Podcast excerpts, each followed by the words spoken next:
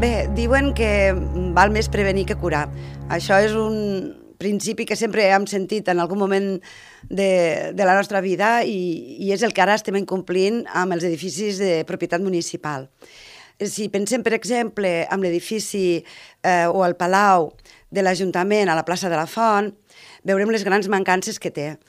Eh, despreniments a la façana, eh, portes difícilment accessibles per a les persones que tenen mobilitat reduïda, una gestió nefasta dels sistemes de calefacció i refrigeració, en fi, mm, hi ha moltes mancances que mm, s'han anat acumulant al cap del temps i que ara seran difícilment remuntables. Pensem, per exemple, que la sala d'actes porta dos anys tancada, que la sala de plens té una invasió de tèrmits i xilòfegs en tot el que és la fusteria, que o bé passem del calor suprem a un fred descomunal a l'estiu.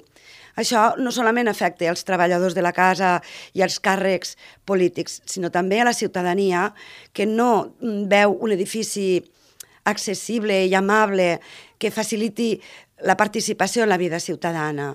Pensem que abans que això sigui remeiable s'ha d'adoptar mesures.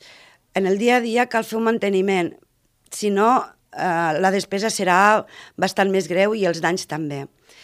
Difícilment l'Ajuntament superaria un, una, un examen de sostenibilitat. Eh, si vas als terrats, per exemple, et trobes amb més d'una vintena d'aires condicionats. Com és que no hi ha plaques solars?